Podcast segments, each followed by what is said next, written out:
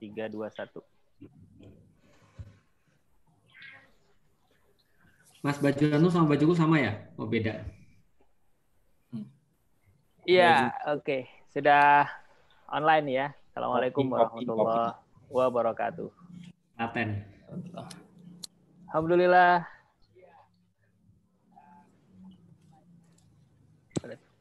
Ya.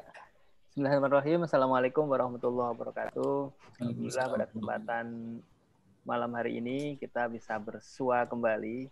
Alhamdulillah Uh, Ustadz Felix sudah hadir, ada juga Ustadz Cahyo yang baru saja sembuh dari sakit. Sakitnya orang miskin nih. Iya iya iya. Uh, sakit apa mas kemarin? Uh, asam lambung sama biasa, efeknya pasti gas, jadi begah. Oh, banyakkan mie goreng mungkin ya. Dan besok langsung ngisi Nusa official ya? Jam berapa? Jam 4. Jam 4 sore? Ya, jam 4 sore. Uh, dan dan aku lihat ada teknologi ini ya, teknologi baru ya? Katanya begitu, tapi saya nggak belum tahu, belum dicoba. Jadi kayak kita iya, bisa berinteraksi dengan Nusa katanya. gitu Jadi, kayaknya ya, Nusa Rara gitu ya? Iya, live interaction. Jadi dia pakai apa pengenal mimik muka gitu kali. Oh, nggak hmm, tahu lah. Keren, keren. Ya, mas. Monggo mas, lanjut mas.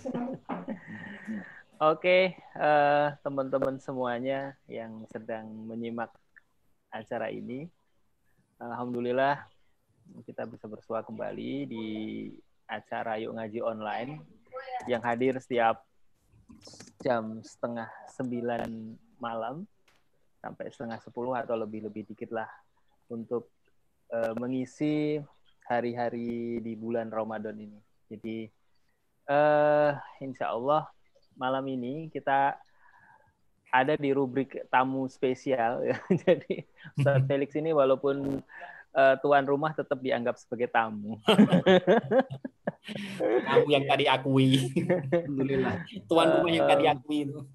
Dan malam ini kita akan mengangkat tema lanjutan dari pekan kemarin eh, tema tentang kebangkitan, tapi kita kasih judul anti rebahan gitu.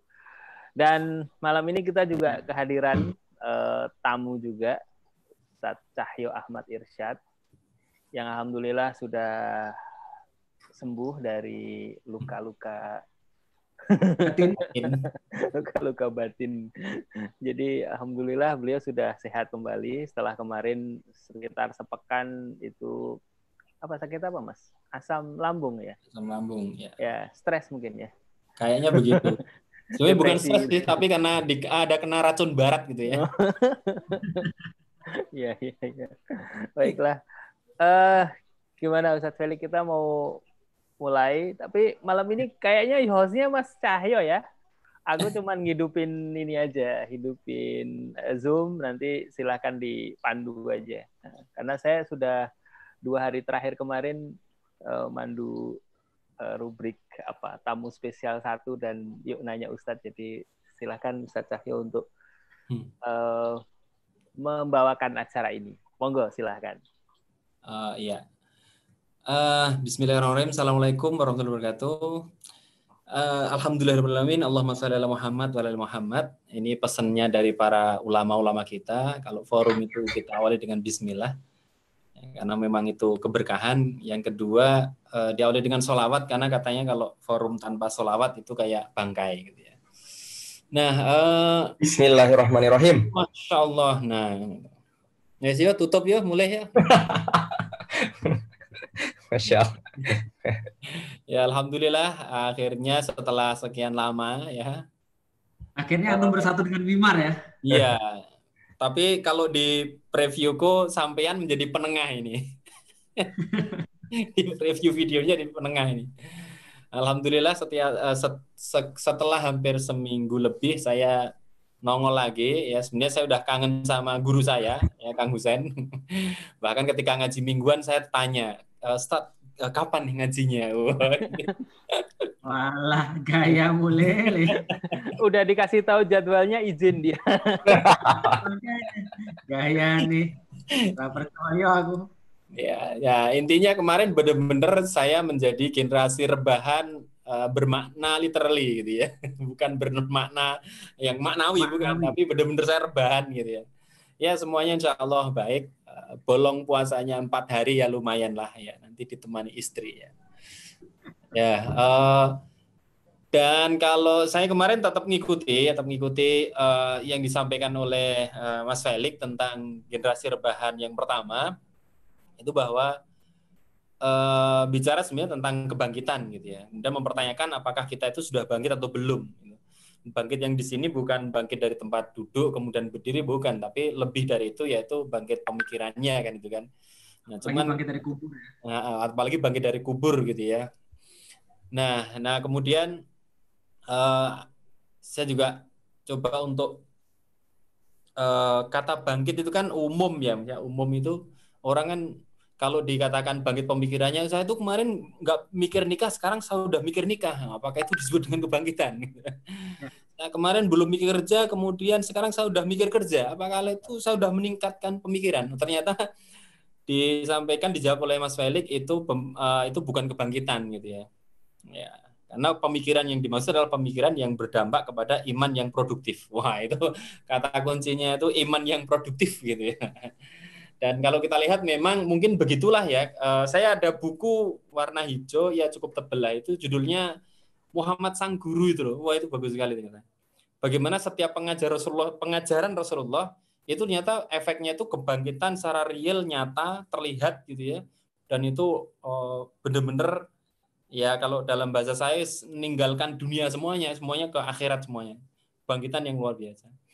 Nah, itu yang kemudian eh, pada akhirnya yang disebut dengan kebangkitan itu bukan semata hanya sekedar naik taraf berpikirnya, tetapi berpikir yang ngefek pada iman yang produktif. Nah, kira-kira begitulah kalau saya men, me, apa, dari penjelasan Mas Felix. Nah, nggak tahu malam hari ini Embu harap harap bahas opo, mau bahas apa gitu ya. Next uh, apa namanya? Uh, kebangkitan yang berdua ya anti rebahan yang kedua ini seperti apa. Nah ini ada Mas Bimar, kita sapa dulu, masih. Bro ya bro. Sampean cukur loh itu. Ini oh iya loh. Ya sembari menunggu viewer yang lebih banyak. ini ada, dicukur kan teman? Iya dong, ini dicukur istri. Oh belum ya, aku je. Aku rat dicukur wae gundul ya. Antum nggak hanya memasuki dunia putih kok memasuki dunia polos kayaknya. Iya, tapi saya gini itu tuh banget ini kemarin tuh tak potong segini loh. Hmm. Ini hampir sedada kemarin tuh. Ngeri ya. Nah, Mas Felix itu itu dawa-dawa ini kalau zaman Rasulullah itu itu kakek-kakek itu yang uh, setan nyamar jadi kakek-kakek berambut tujuh itu. Gimana Mas Bimar kabarnya Mas Bimar? Sehat Mas Bimar? Alhamdulillah sehat. Aku cuma mau nimbrung aja.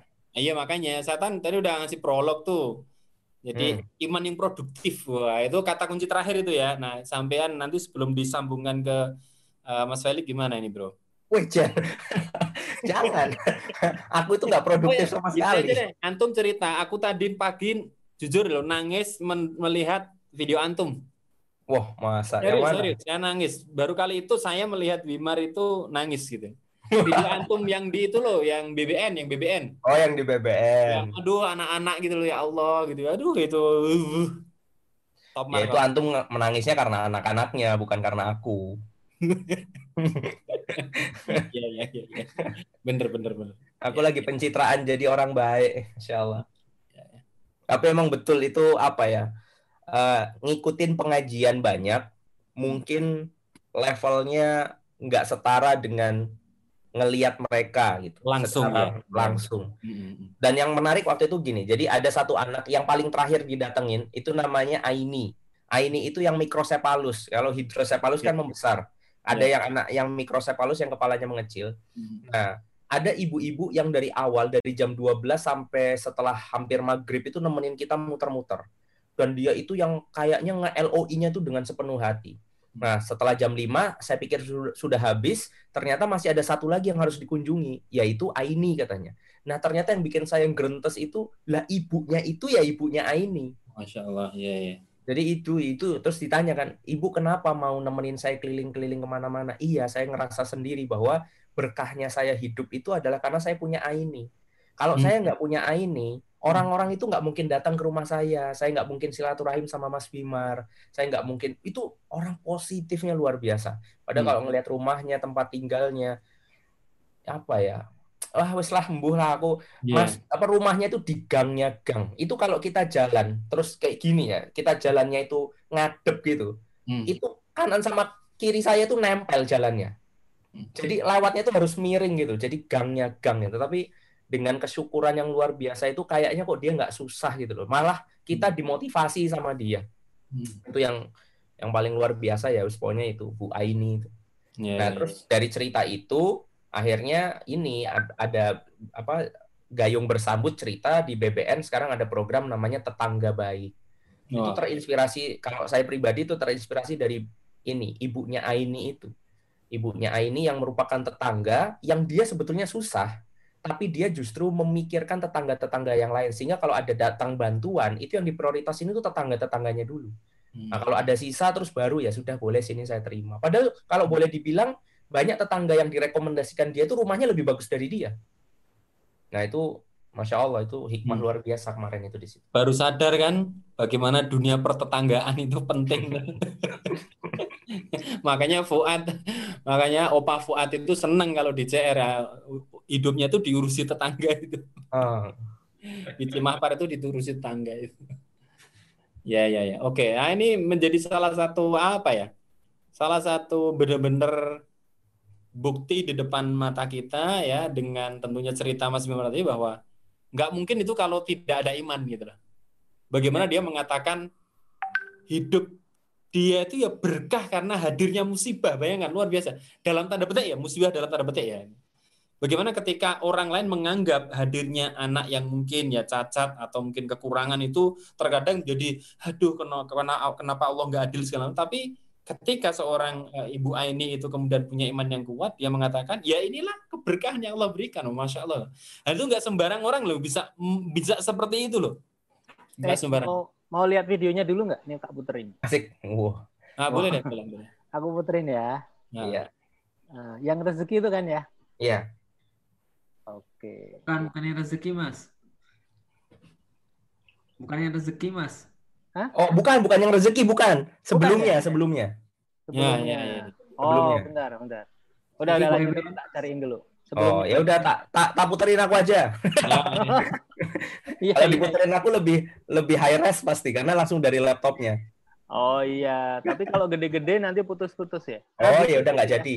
Enggak, enggak. Gimana? Di, di- bisa diklik di atas itu, dia ada uh, fasilitas untuk optimize. Uh, Jadi dia ngompres sendiri. nah nih, ntar udah ketemu nih videonya. Share.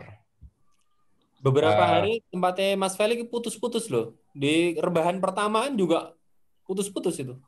Iya makanya, masya Allah. Nah nih, kita lihat ya.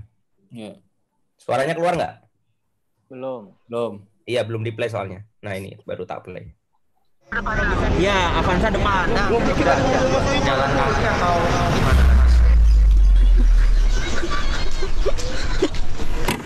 Jangan sedih. Kita bisa kok bahagia. Semua dari kita kepengen banget bahagia. Cuma masalahnya banyak aja yang belum sadar kalau bahagia itu bukan soal mendapatkan. Justru ini soal berbagi. Allah. Assalamualaikum Ibu. Insya Allah. Siapa namanya? Ukasya. Oh iya iya iya. Aira, oh, Aira. Jangan teman-teman nggak apa-apa ya. Oh Iya. Oke katanya. Tadi dia senyum-senyum banget kita datang ya. Andai kita sadar betapa beruntungnya kita. Betapa sayangnya Allah sama kita. Kakak dari lahir Mm-mm. prematur. Oh, Lahirnya 6 bulan. lahirnya enam bulan. Sekarang umur berapa? Sekarang 15. tiga bulan kok tumbuh kembangnya nggak sama Oh. sama anak-anak normal nah dari situ sudah mulai Iya, iya. sampai pada akhirnya kejang koma Kalau gini Aira apa kegiatannya biasanya? akhirnya biasa bermain belajar lempar kan biar tangannya tetap aktif Iya. tangannya ya ini dia nafasnya juga lewat Oh itu di lubang itu ya? iya bisa dokter Sedot sama ibunya ibunya sudah Oh. jadi suster mas Ini adalah kenikmatan kita mempunyai anak seperti ini. Sampai ini saya nggak bisa apa-apa. Kita punya Allah. Kita ada yang selalu menjaga Allah. Nggak usah takut, kita jalani aja. Insya Allah jalannya lancar-lancar aja. Semoga Allah juga lebih tahu dengan kita keadaan kita kayak gimana. Ya, ini deh. Andai kita sadar, malu rasanya untuk masih mengeluh dan mengibah. Bismillahirrahmanirrahim. Assalamualaikum Rabbal Arsyil Azim an yasfiyak. Ya Rabbana, Ya Rabbana, Engkau yang melihat kami ya Allah. Terima kasih atas Ramadan yang kau berikan kepada kami. Jadikan ini momen kesembuhan Aini ya Allah. Kau kembalikan Akila untuk bisa beraktivitas menjadi anak yang soleha dan bisa menjadi muslim yang taat, yang takwa, yang bisa mensupport agama dan negaranya. Alhamdulillahirabbil alamin. Amin.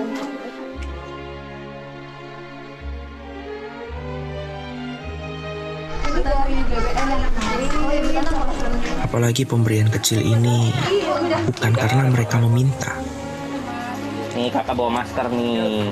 Nanti buat dipakai ya kalau mau keluar-keluar. Pamit ya. Dadah. Dadah. ini lebih karena kita sadar Dadah. bahwa bersyukur dan berbagi adalah jalan kita untuk bahagia. Yang lebih susah daripada kita. Masih beruntung kita alhamdulillah. Karena berbagi itu bahagia untuk kita dan mereka.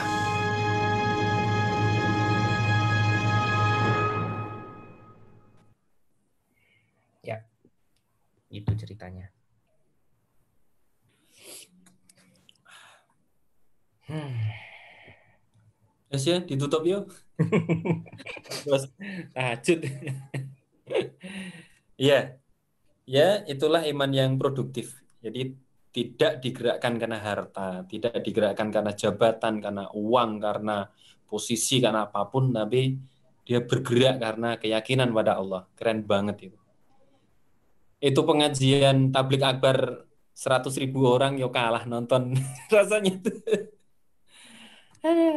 Sentuhan imannya itu loh bagaimana dia mengatakan bahwa Allah tahu kok apa yang ya ada pada diri kita keren banget sumpah keren banget udahlah Mas Felix monggo nanti malah berlarut-larut aku pengennya guyu guyu ya Mas Felix Oh, malah nyinggung. Malah nyinggung. ya manusia lah manusia lah silakan Ayo, Mas Felix ya. Afadol Ustaz. Baik. Bismillahirrahmanirrahim. Assalamualaikum warahmatullahi wabarakatuh. Alhamdulillah. Syukur senantiasa kita panjatkan pada Allah Subhanahu wa taala. Salat dan salam semoga tercurah dan terlimpahkan pada baginda Nabi besar Muhammad sallallahu alaihi wasallam. Alhamdulillah atas nikmat-nikmat yang telah Allah berikan, eh, nikmat-nikmat yang lebih banyak kita kufuri daripada kita syukuri. Eh, Wa qalilan min ibadiyas syakur. Allah sampaikan sangat sedikit sekali di antara umatku itu yang mau untuk bersyukur, yaitu adalah orang-orang yang benar-benar mau untuk uh, menimbang, yang menyadari betul bahwa segala sesuatu itu sebenarnya lebih penting yang memberikan daripada yang diberikan, yaitu adalah Allah senantiasa lebih penting daripada apa pun yang menjadi uh, yang kita inginkan, yang kita yang kita diberikan olehnya.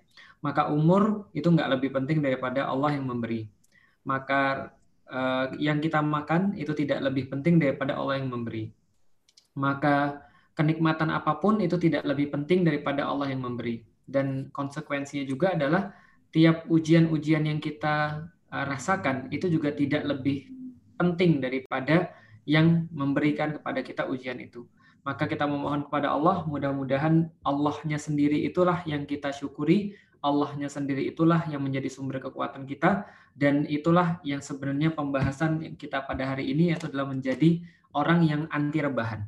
Karena uh, kalau kita boleh ulang uh, di antara yang sudah kita bahas kemarin sebagai sederhana saja ada satu tema yang selalu akan diulang-ulang. Ada satu kata yang selalu akan selalu diingat ketika kita berbicara tentang Islam, berbicara tentang dakwah, berbicara tentang Al-Qur'an pun berbicara tentang bulan Ramadan. Juga berbicara tentang uh, 10 hari yang terakhir. Juga berbicara tentang itikaf. Itu semua sama.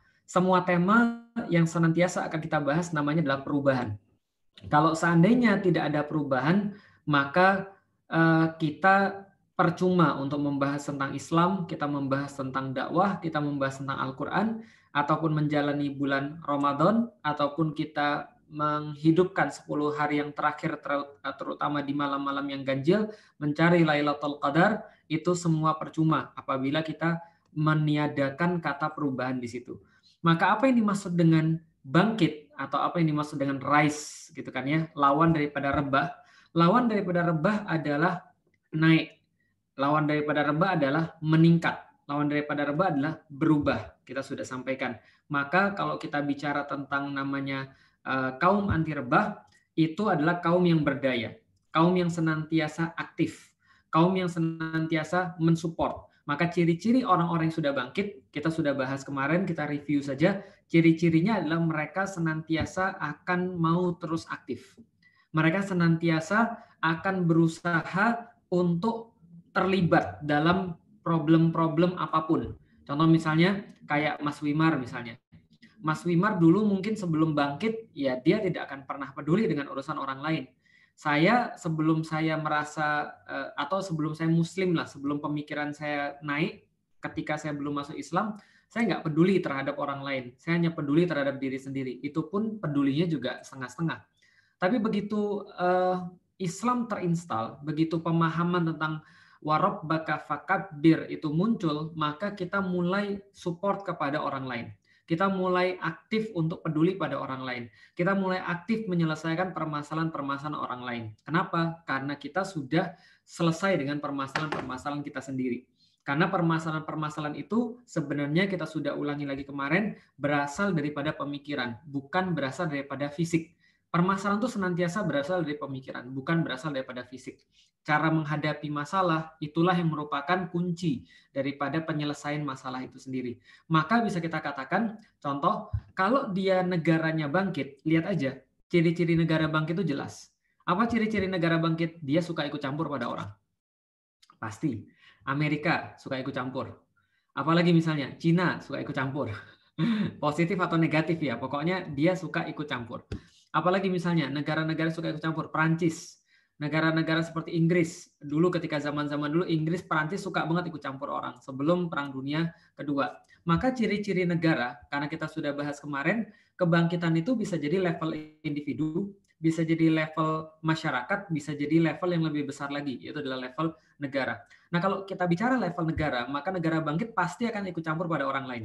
Dia suka bantuin orang dia suka suka untuk menyelesaikan permasalahan-permasalahan orang lain, dia suka ikut campur pada orang lain yang lagi bermasalah itu secara negara. Secara kelompok, maka kelompok itu dikatakan bangkit apabila kelompok itu terlibat aktif dalam penyelesaian-penyelesaian permasalahan-permasalahan.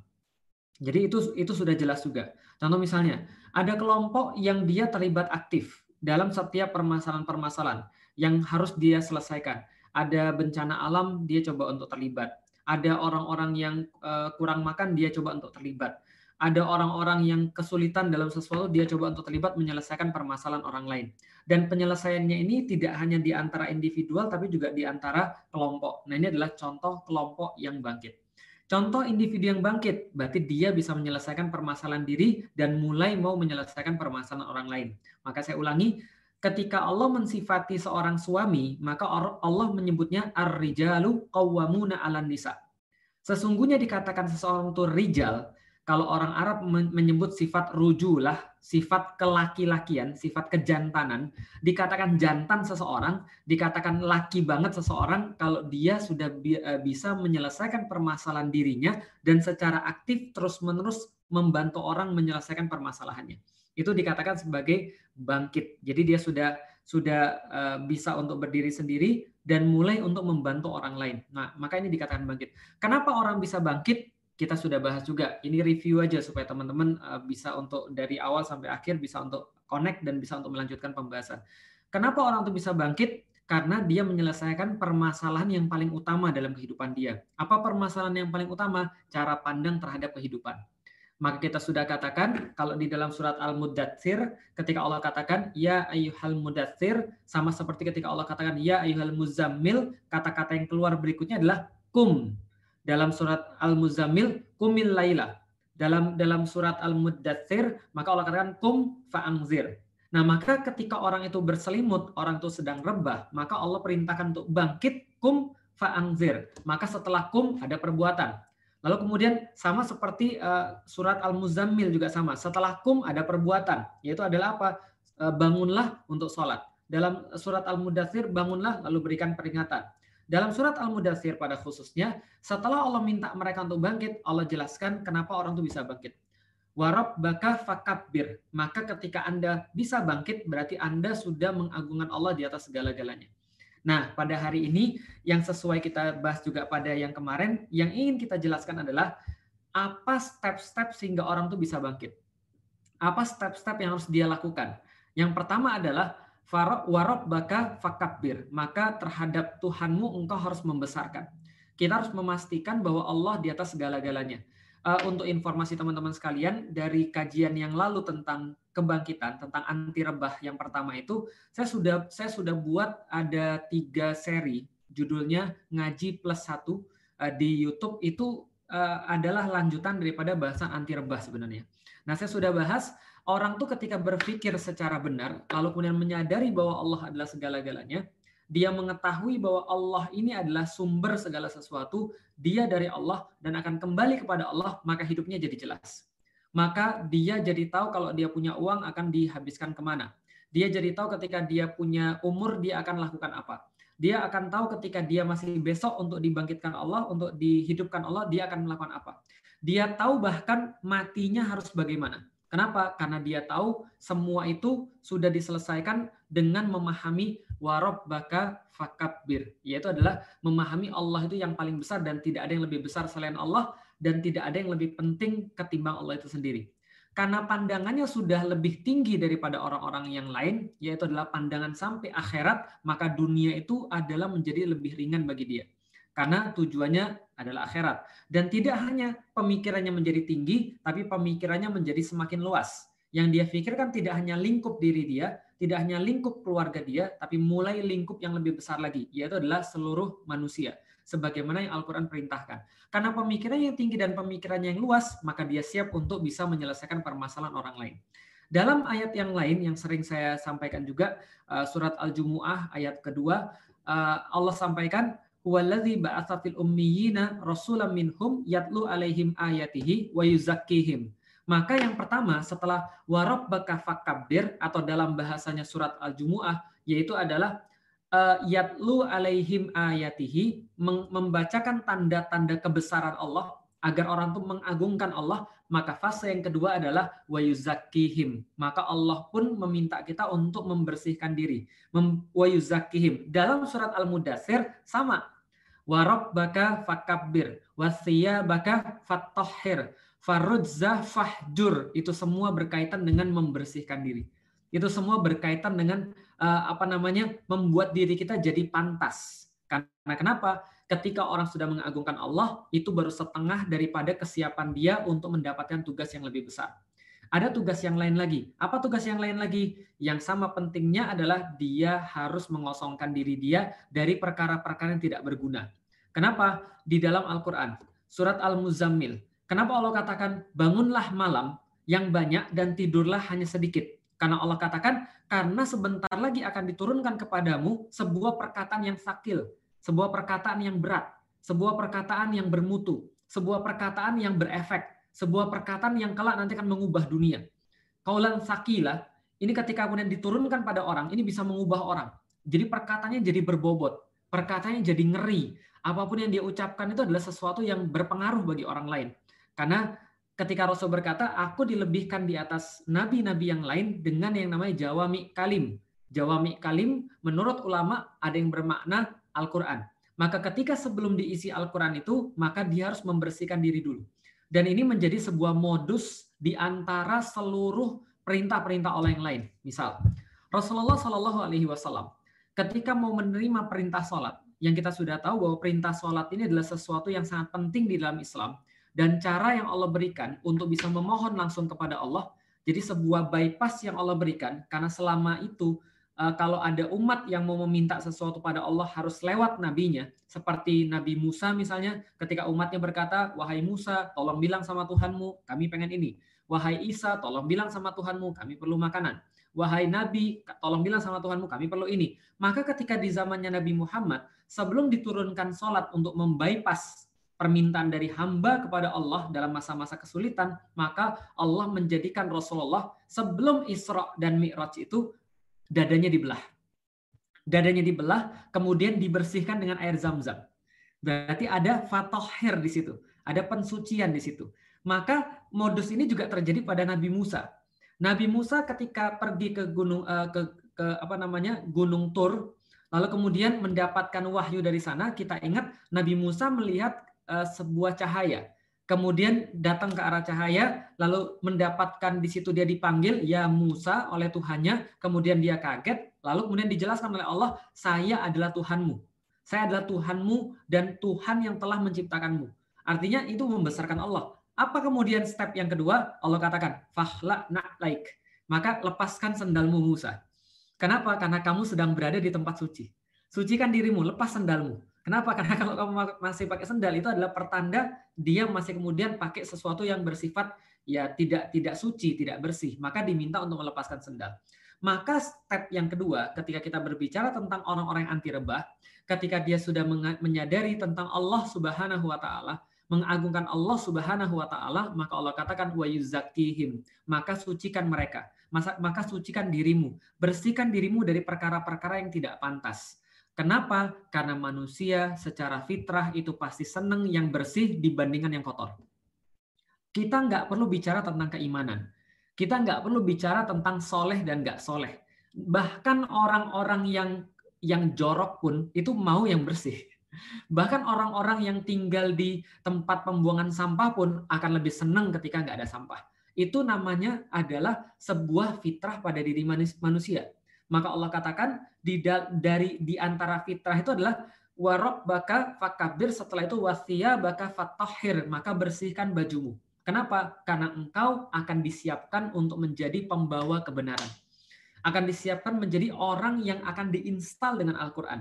Dan buat informasi kita, kalau saya mau ngopi, dan kemudian saya mau ngaduk kopi, sebelumnya saya harus pastikan bahwa gelas saya bersih dan gelas saya nggak ada selain kopi. Karena begitu ada yang selain kopi, itu pasti ngefek ke kopi saya. Kalau sana itu sirup, masih mending. Gimana kalau itu kotoran? Yang punya bau misalnya. Gimana kalau itu odol misalnya? Yang baunya kuat misalnya. Maka dikatakan sebelum kita melakukan sesuatu adalah kita bersihkan dulu segala-galanya. Wasia baka fatohir. Dan tidak hanya pakaian fisik yang dibersihkan, warudza fahjur. Maka kata-kata kotor, kata-kata yang jelek pun, kata-kata yang negatif pun hilangkan maka pemikiran-pemikiran negatif pun hilangkan. Kenapa? Karena kamu akan membawa sesuatu yang penting sekali. Yang sesuatu yang penting ini apabila nanti masuk kepada Anda, lalu kemudian Anda masih punya sesuatu yang tidak pantas, dia akan mengotori semuanya dan itu tidak akan membuat kita bisa menyelesaikan permasalahan orang lain atau membangkitkan orang lain juga atau tidak bisa kita dikatakan bangkit. Kenapa? Karena kita nggak bisa menyelesaikan permasalahan orang lain. Kenapa nggak bisa menyelesaikan permasalahan orang lain? Kita sendiri masih banyak masalah. Kenapa kita masih banyak masalah? Masih siap baka uh, baju kita belum kemudian tohir, belum kemudian suci, masih kemudian ucapan kita belum benar. Maka ada step yang kedua. Setelah baka fakabir setelah yatlu alaihim ayatih maka wayuzakihim maka bersihkan. Bagaimana cara membersihkan ini? Ini yang ulama-ulama bilang bahwa kita itu harus memperbaiki hubungan kepada Allah. Maka saya pernah bertanya pada Ustadz Adi Hidayat misalnya, Ustadz bagaimana caranya agar biar pintar, agar bisa belajar dengan baik? Beliau sampaikan, jangan mulai belajar dulu. Tapi apa yang harus kita laksanakan? Kita harus mulai untuk memperbaiki hubungan kita dengan Allah.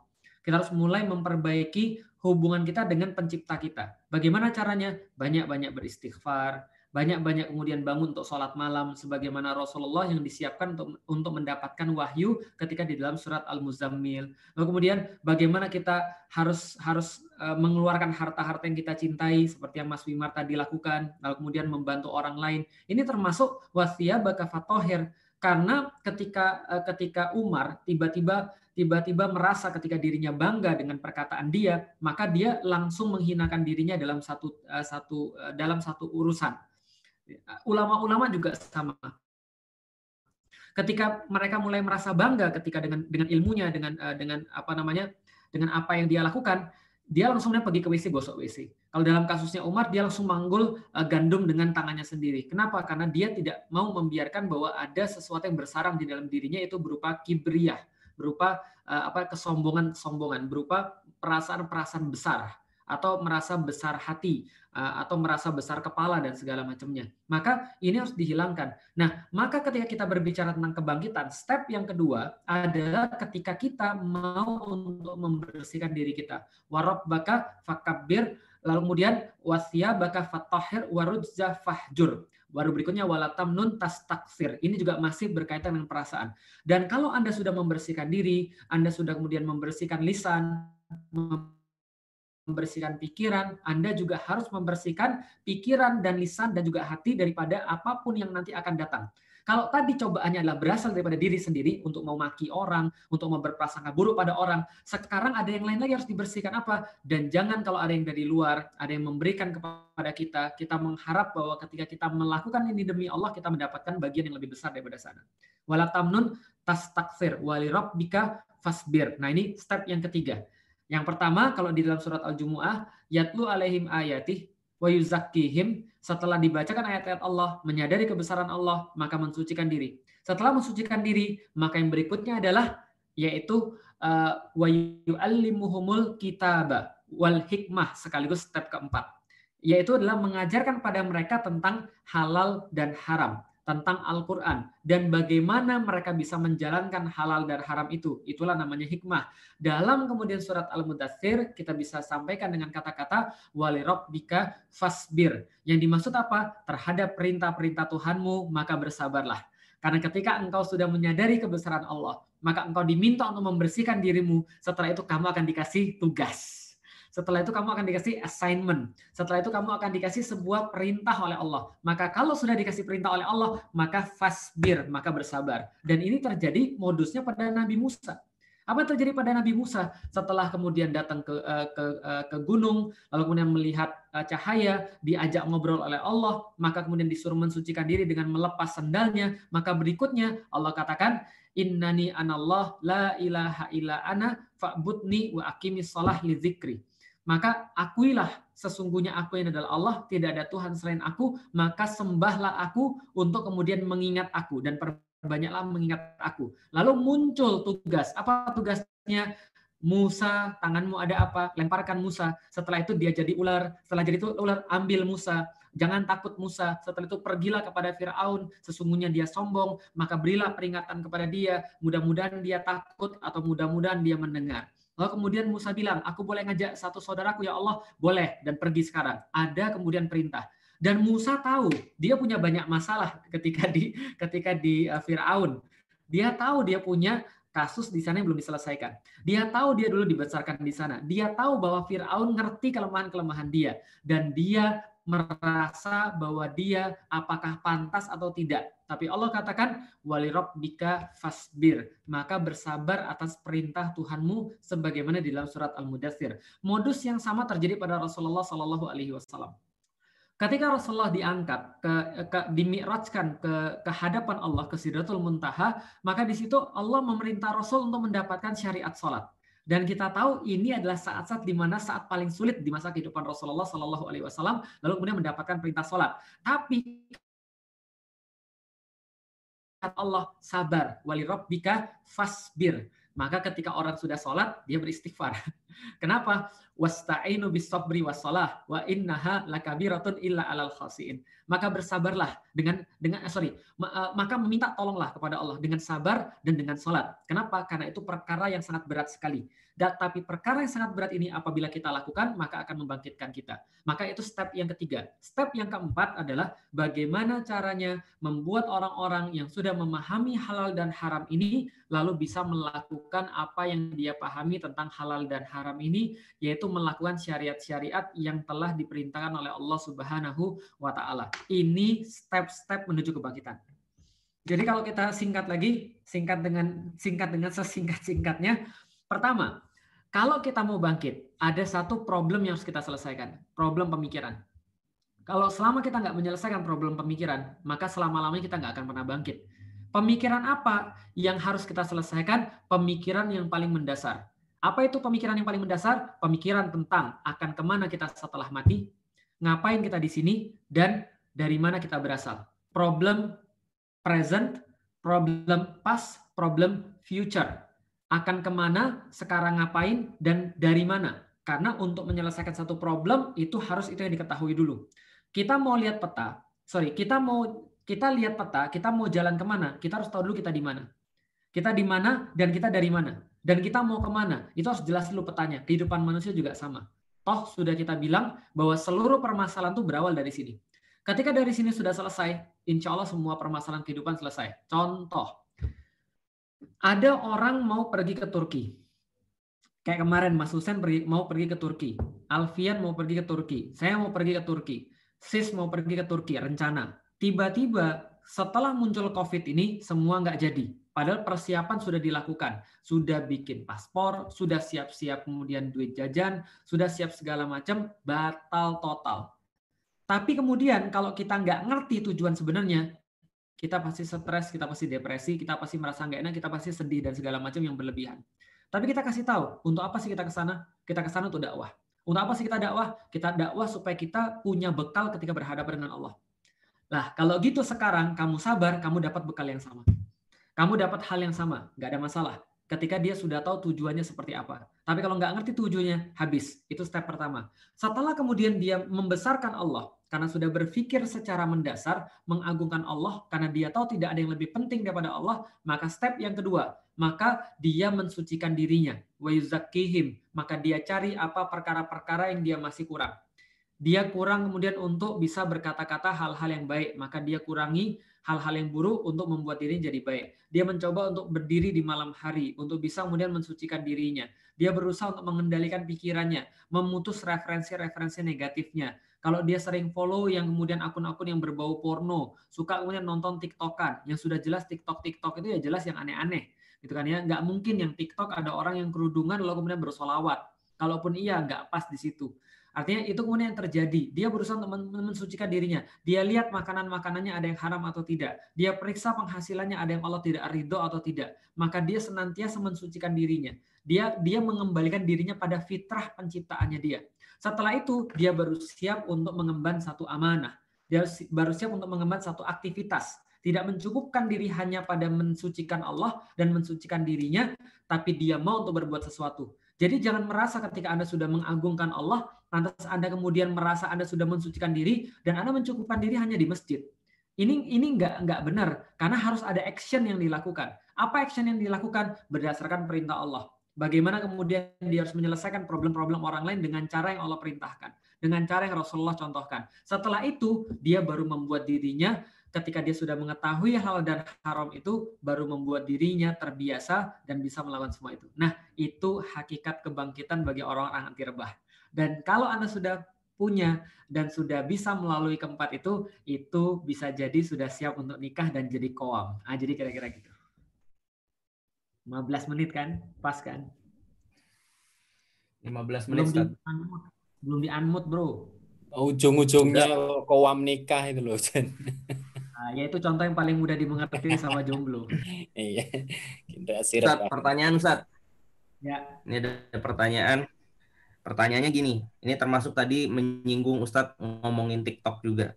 Kadang mau bangkit nih dari dari kemalasan, uh, tapi suka kalah sama keinginan atau nafsu yang sudah mengakar gitu, sudah mendarah daging.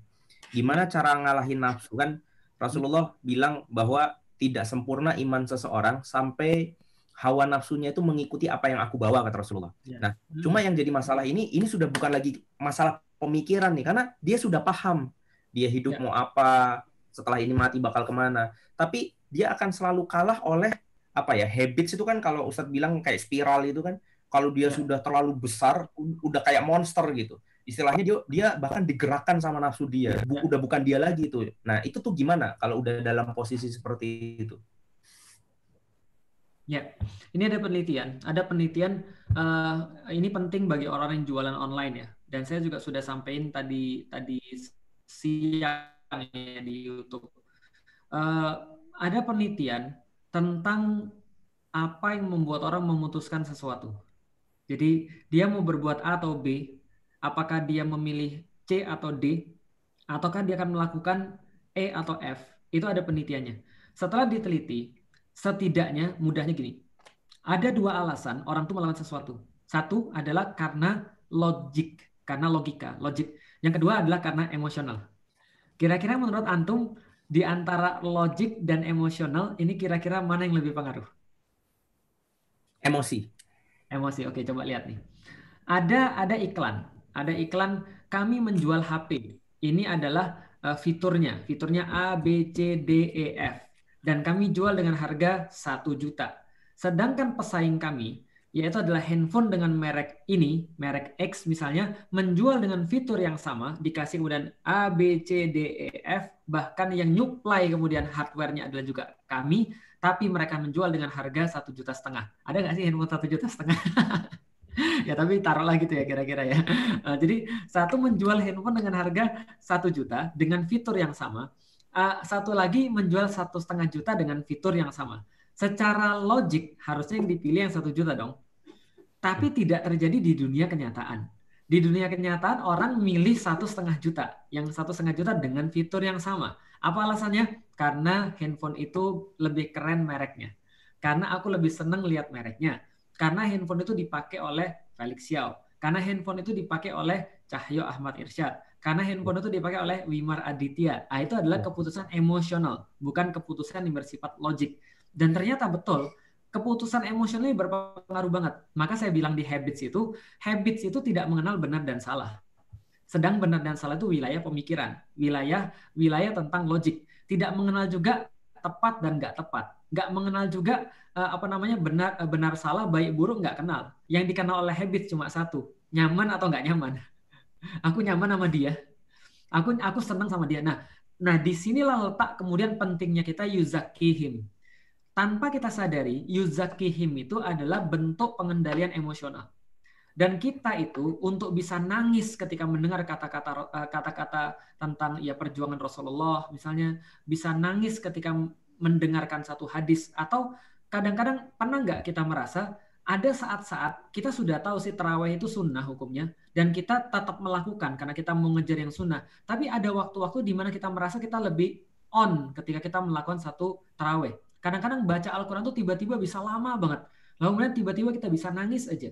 Nah, tapi ini bukan bukan berarti itu itu sekedar apa ya kayak kesambit jin atau misalnya atau misalnya apa gitu misalnya enggak. Tapi itu hasil dari persiapan.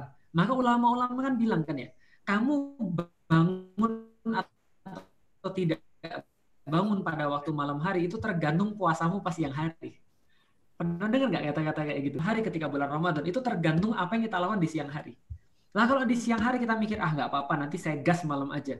Karena kan Lailatul Qadar ada di malam hari. Salah besar. Apa yang kita lakukan di siang hari itu yang nanti membuat kita bisa bangun atau tidak ketika di malam hari. Itu ulama-ulama bilang gitu. Jadi kalau kamu nggak bisa bangun di malam hari, coba kamu cek yang kamu lakukan di siang hari apa. Apakah yang kamu lakukan di siang hari itu mendekatkan diri kepada Allah atau kamu buang-buang waktumu dengan main game misalnya contoh bukan berarti main game nggak boleh ya boleh boleh aja. Tapi kalau dia buang-buang waktu dengan main game kemudian dia buang waktu untuk ngomongin orang dia buang waktu untuk sesuatu yang nggak bermanfaat maka ketika dia nggak bisa bangun di malam hari itu adalah karena dia tidak bisa mengkondisikan emosionalnya dia. Nah maka mengkondisikan emosional ini penting sekali. Gimana caranya? Banyak-banyak istighfar Coba deh banyak-banyak istighfar. Astaghfirullahaladzim, astaghfirullahaladzim, astaghfirullahaladzim. Ya Allah, buat saya bisa bangun malam ya Allah. Buat saya bisa lebih mudah memahami pelajaran ya Allah. Buat saya lebih enak. Apalagi misalnya contoh, sedekah itu juga sama. Makanya ketika di dalam Al-Quran Allah katakan, uh, orang-orang yang mati, orang-orang yang wafat, lalu kemudian melihat amalnya belum cukup. Apa yang dikatakan? Uh, Robbi laula akhartani ila ajalin qarib fa asaddaqa wa aku minas solihin Ya Allah, kalau aku bisa untuk hidup lagi dan dikasih waktu yang mepet aja nggak apa-apa, kasih waktu dikit aja nggak apa-apa, fa'asot dako, aku pasti akan sedekah. Nah kenapa? Wa aku minas solehin. Ketika aku bersedekah, aku pasti termasuk orang-orang yang soleh. Artinya, ketika kita bersedekah, kita bisa bilang sama orang kita sedekah itu, Dek, ini sedekah dari saya atau Ibu ini sedekah dari saya. Uh, yang saya minta doain saya, semoga saya jadi orang yang soleh. Kenapa? Ingat, kol, uh, kolbu itu adalah akal dan hati. Bisa dikatakan adalah perasaan. Karena kalau kita bicara tentang wayuzakihim, apa yang disucikan? Kolbu, gitu maksudnya kan ya. Makanya orang orang bilang adalah taskiyatun nafs, adalah mensucikan dirinya dalam hati mensucikan kolbunya. Nah, bagaimana cara mensucikan kolbunya? Kolbu itu adalah bolak-balik. Yang mengkolbal kulub sabit kolbi ala dini. Maka yang pegang adalah siapa? Yang pegang adalah Allah. Maka emosional itu bisa jadi Allah yang ngatur. Maka kita harus benar-benar mendekati Allah, uh, membuat emosi kita bisa untuk uh, berubah. Contoh lagi misalnya, itu secara itu secara ini ya, tawakali ya, secara tawakal. Sekarang kita coba bahas secara ikhtiar, secara ikhtiar. Orang bisa mengganti emosi dengan banyak cara. Kalau sana kita eh, kita kita baca-baca buku misalnya tentang uh, tentang hipnotis dan segala macam ya. Ada satu ada satu titik yang sangat penting di situ. Namanya adalah mengganti pola. Karena manusia itu hidupnya pakai pola. Maka ketika saya uh, saya bicara tentang habits, saya bilang bahwa habits nggak bisa diganti. Yang bisa adalah pola itu dikendalikan dan di tweak dikit supaya berubah mengikuti urusan uh, mengikuti apa yang kita inginkan. Jadi ada perusakan pola di situ. Contoh, orang ngerokok itu polanya jelas, habis makan. Kalau mau ke WC, itu polanya jelas. Maka gimana caranya agar dia nggak ngerokok, polanya harus dirusak. Gimana cara ngerusak polanya? Habis makan, polanya dia ngerokok, maka dirusak. Habis makan, suruh dia lari tujuh kali uh, keliling lapangan. Atau habis dia makan, suruh dia kemudian untuk jogging. Dan ini harus dipaksa memang awal-awalnya.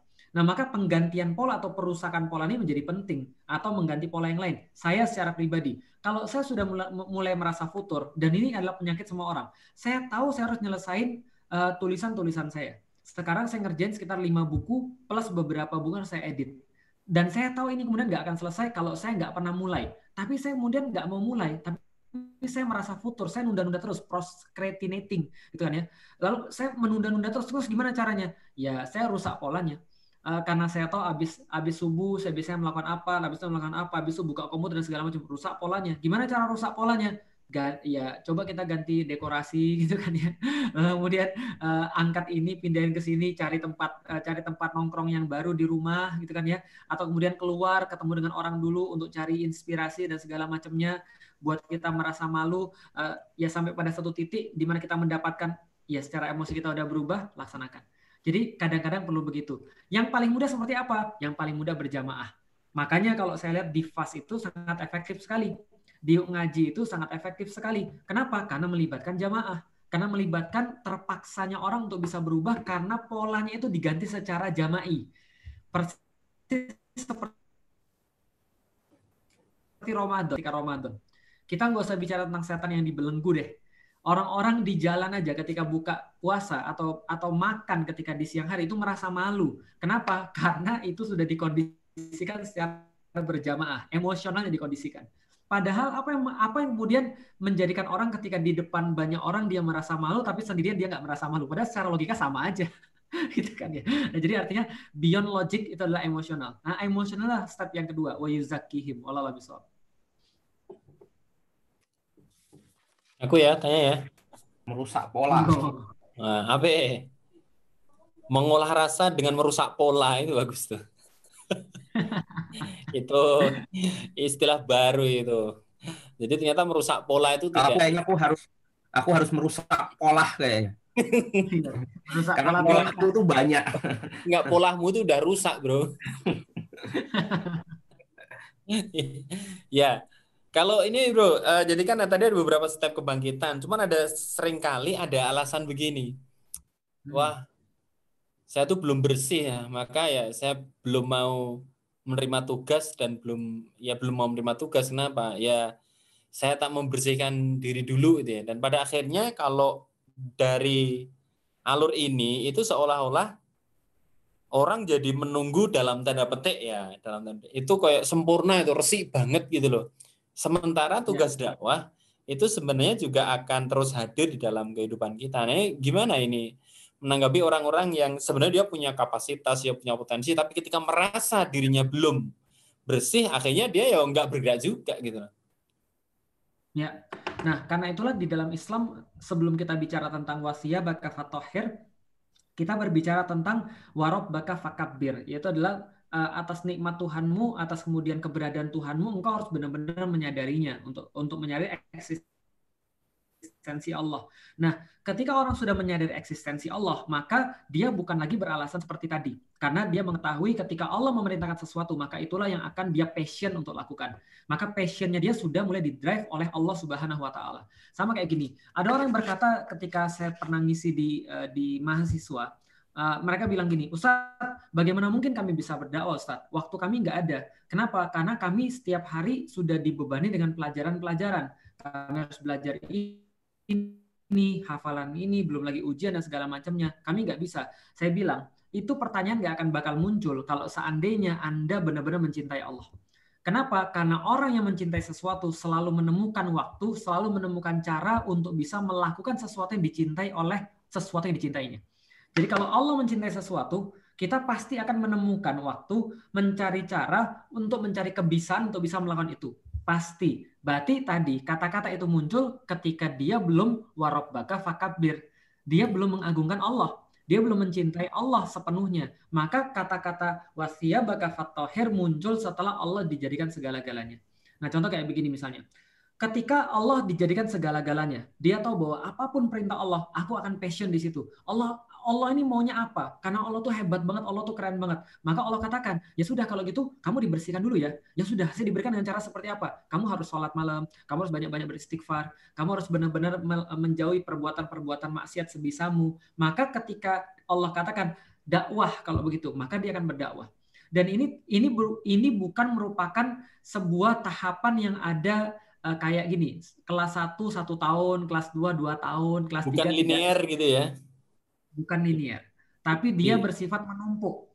Jadi ketika seseorang sudah sampai wasiyah baka fatohir bukan berarti dia tidak melakukan lagi uh, warob baka fakabir. Ketika dia sudah masuk mensucikan diri bukan berarti dia tidak lagi untuk mencari tanda-tanda kebesaran Allah. Ketika dia sudah mempelajari halal dan haram bukan berarti dia berhenti untuk mensucikan dirinya. Nah itu kata kuncinya. Berarti ketika Allah menyuruh dia untuk melakukan sesuatu, dia akan lakukan.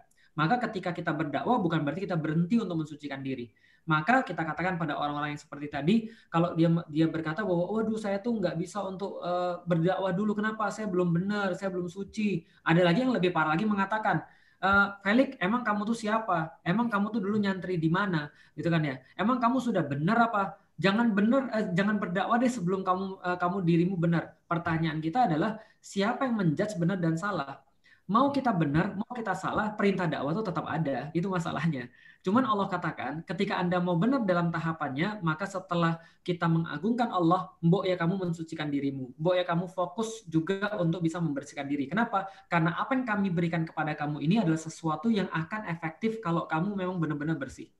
Kalau semakin kemudian kamu bersih, maka semakin bagus. Ibarat kalau kita punya lampu, kita kasih tutupannya, maka kalau tutupannya buram, ya lampunya kurang gitu loh maksudnya. Nah jadi artinya kita membersihkan diri supaya lebih bisa menerangi. Tapi kalau ada orang membersih bersihkan diri terus nggak dihidup hidupin lampunya untuk apa? gitu kan ya. Kan kita sudah bilang bahwa kalau kita bicara tentang Islam itu pengaruhnya ke perubahan. Maka kalau perubahan itu nggak ada, antum mau sebersih apa pun nggak akan ngaruh. Dan banyak sekali ayat, sorry, banyak sekali dalil-dalil tentang ini. Apa misalnya uh, yang sangat terkenal, yang hadis ketika dikatakan oleh oleh eh, Allah kepada para malaikat untuk mengazab satu kaum, maka malaikat itu balik lagi kepada Allah. Kenapa? Ya Allah, kami melihat ada seseorang yang dia bersujud kepadamu, yang dia senantiasa menyebut-nyebut namamu.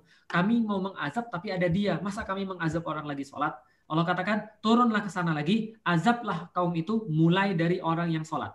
Kenapa? Karena dia tidak memerah wajahnya ketika aku dihinakan dia tidak memerah wajahnya ketika agamaku dihinakan. Maka kemudian Allah melihat orang-orang ini bukan orang yang beribadah, tapi orang yang abai, orang yang nggak peduli dengan yang lain. Dan abai adalah ciri-ciri sifat iblis. Maka Allah katakan aba was takbar. Dia nggak peduli dengan yang lain dan dia meremehkan yang lain. Maka hati-hati uh, kalau seandainya kita merasa bahwa kita harus mensucikan diri terus, tapi kita nggak bergerak-gerak ke tempat yang lain. Dan ini jawaban yang paling pamungkas. Siapa yang menentukan bahwa kita boleh menyampaikan apa dan seperti apa? Itulah fungsinya mentor, itulah fungsinya guru, itulah fungsinya ustaz, itulah fungsinya kiai, itulah fungsinya syekh. Maka para sahabat itu diatur dakwanya oleh Rasulullah Shallallahu Alaihi Wasallam. Ada yang berkata, uh, Abu Zar Al Ghifari, ya Rasulullah aku minta kekuasaan. Apa kata Abu uh, apa kata Rasulullah? Jangan, kamu lemah, Le. gitu kan kira-kira. Jadi kalau ada, ada yang nah itu contoh. Baru sadar langsung keluar ya, ke Ka'bah gitu ya, digebuki sama pasar. Nah lagi kayak gitu aja dikatakan lemah oleh Rasulullah untuk mem hmm. untuk meminta kekuasaan. Apalagi yang lain gitu kan ya, yang benar-benar lemah gitu kan ya untuk memimpin. Masya Allah ya jadinya ya ya gitulah pokoknya. Nah ini yang kita lihat bahwa siapa yang menentukan Ustadz. Maka saya juga sama. Saya nanya pada Ustadz saya, Ustadz ini kondisinya. Saya punya pilihan. Apakah saya harus memperdalam ilmu saya dulu atau saya berdakwah dulu? Tapi kalau saya memperdalam ilmu saya, saya mungkin nggak bisa seaktifin dalam berdakwah. Mereka katakan kamu maju terus. Kalau ada yang kurang kita bisa benahi sekarang. Tapi kalau ada yang lebih kurang lagi, kami akan menjadi backup. Maka kita maju. Maka seperti kalau ada orang suruh pergi jihad, lantas dia bilang, wah saya kayaknya nggak usah pergi jihad deh, kayaknya saya lebih lebih apa namanya lebih lebih bagus kalau saya di rumah aja deh. Lah kenapa? Ini loh keahlian saya ini loh keren banget di bidang IT misalnya. Enggak kamu pergi jihad. Kata gurunya kamu pergi jihad. Enggak, bu, jangan saya. Saya tuh lebih ahli buat puisi dan puisi saya tulak, bisa mengubah Nah iya, nggak bisa begitu. Ada inilah fungsinya guru. Guru itu menentukan yang menjadi kemudian penentu dia mau pergi ke mana. Tapi sebaliknya, ada orang mau pergi jihad mati-matian. Guru, saya sudah berlatih. Lihat nih, saya six pack. Saya sudah otot saya sudah tinggi banget. Saya sudah menguasai ilmu tembak menembak, sudah menguasai ilmu segala macam. Pokoknya kayak Ipman lah. Kalau ada 10 orang di depan saya, 11 mati, Pak. Dengan ya. Jadi kira-kira begitu misalnya. Ya, tapi kalau guru bilang enggak, kamu di sini. Ya sudah tetap di situ. Kalau gurunya bilang enggak kamu belum belum belum boleh pergi, ya sudah jangan pergi. Kamu keluarkan uang untuk sedekah, keluarkan uangnya untuk sedekah. Kenapa? Itulah dikatakan al ulama adalah warasatul anbiya. Sesungguhnya para ulama adalah pewaris para nabi. Maka apa pun yang mereka putuskan itu seolah-olah nabi berada di sini. Karena nabi tidak ada lagi, maka nabi menitipkan fas'alul ahla zikri in kuntum la ta'lamun. Kalau kalian nggak ngerti tentang satu hal, kalian merasa sulit sulit dengan satu hal, maka tanya yang tahu. Siapa yang tahu? Para ulama. Maka menarik banget ketika dikatakan uh, Ya ayyuhalladzina amanu atiullaha wa atiur rasul wa ulil amri minkum wa in tanaza'tum fi syai'in faruddu ilallahi ilallahi wa rasul. Ketika engkau kemudian berlainan pendapat dalam satu uh, taatlah pada Allah, taatlah pada Rasul, taatlah pada ulil amri dan engkau berlainan pendapat pada sesuatu maka rujuklah pada Allah dan Rasulnya. Kemarin saya diceritain sama Ustadz Hanan bahwa Ustadz Hanan baca tulisannya Ibnu Taimiyah bahwa beliau berpendapat yang dimaksud dengan ulil amri bukan pemerintah, tapi ulama. Asik kan?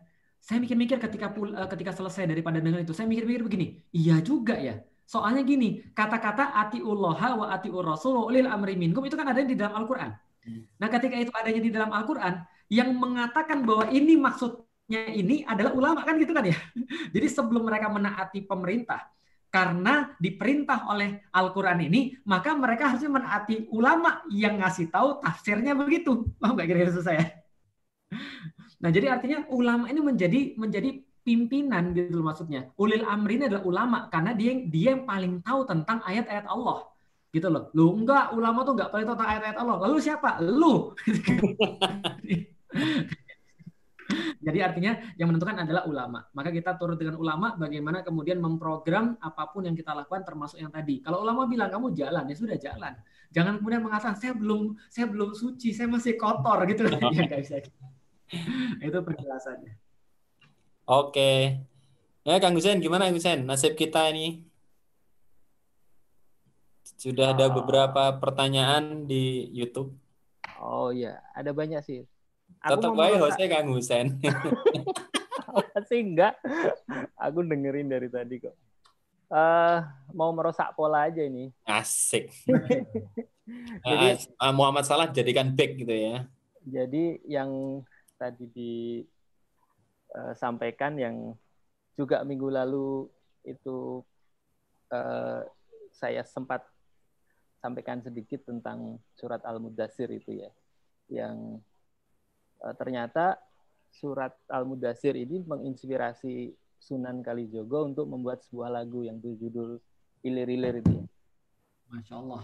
Ilir-ilir. Jadi lir-ilir, lir-ilir, tandurewo sumilir, dak icurulyo, dak sengguh pengantin anyar. Cahangon, cahangon, penek no blimbing kuwi, lunu lunyu penek no kanggo basuh tiro. Ah, sampai situ. Jadi wasiabaka fatohir itu lunyu-lunyu penekno kanggo basuh gedotiro. Uh, maksudnya adalah walaupun susah ya, dalam walaupun susah dalam rangka tadi uh, men, apa, mengagungkan asma Allah dan seterusnya itu akan membuahkan satu titik uh, agar kita itu membersihkan pakaian kita gitu. Uh, pa, uh, membersihkan pakaian wasia baka fatohir itu. Uh, ini menarik baik dari sisi internal kita sebagai apa ya, pelaku lah pelaku aktor maupun dalam konteks uh, kita memahami dakwah secara keseluruhan gitu. Uh, bahwa dakwah ini memang perlu kreativitas yang luar biasa begitu. Sehingga konten yang yang keren itu harus disampaikan juga dengan konteks yang keren juga gitu nah uh, saya tadi sedikit cari tahu ya notasinya ilir-ilir itu uh, ternyata uh, setelah saya cari itu dia itu pakai notasi selendru. Kalau dalam bahasa uh, dalam notasi Jawa itu ada selendru, ada pelok kan. Ya. Selendru itu notasi yang lebih tua. Dia itu sebenarnya Chinese Chinese pentatonic. Jadi pentatonic Cina tapi dengan pola tertentu dia menjadi Jawa. Uh, menarik ya. ya. ini ini boleh saya ini ini ya. Uh, saya screen screen share ya. Nah, gitu. Ya, siap-siap ya. pusing. Perlu lead vokal nggak, Mas? nah, jadi uh, selendro itu, selendro itu, itu polanya itu Chinese sebenarnya, pentatonic Cina. Jadi yang kalau main keyboard tuh yang hitam aja dipencet tuh jadi jadi apa? Jadi Cina dia.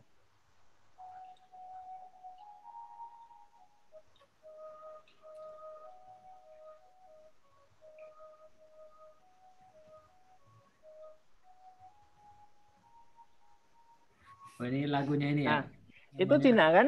Tapi ya? uh, uh, uh, tapi kalau kita aplikasikan dengan pola tertentu dia bisa jadi selendrunya Jawa gitu. Dan itu bisa menjadi lagunya itu tadi ilir-ilir itu yang ditulis oleh Sunan Kalijogo itu. Kayak gini.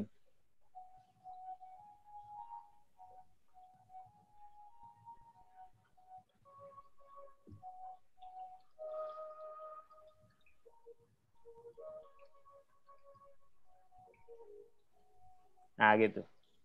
Jadi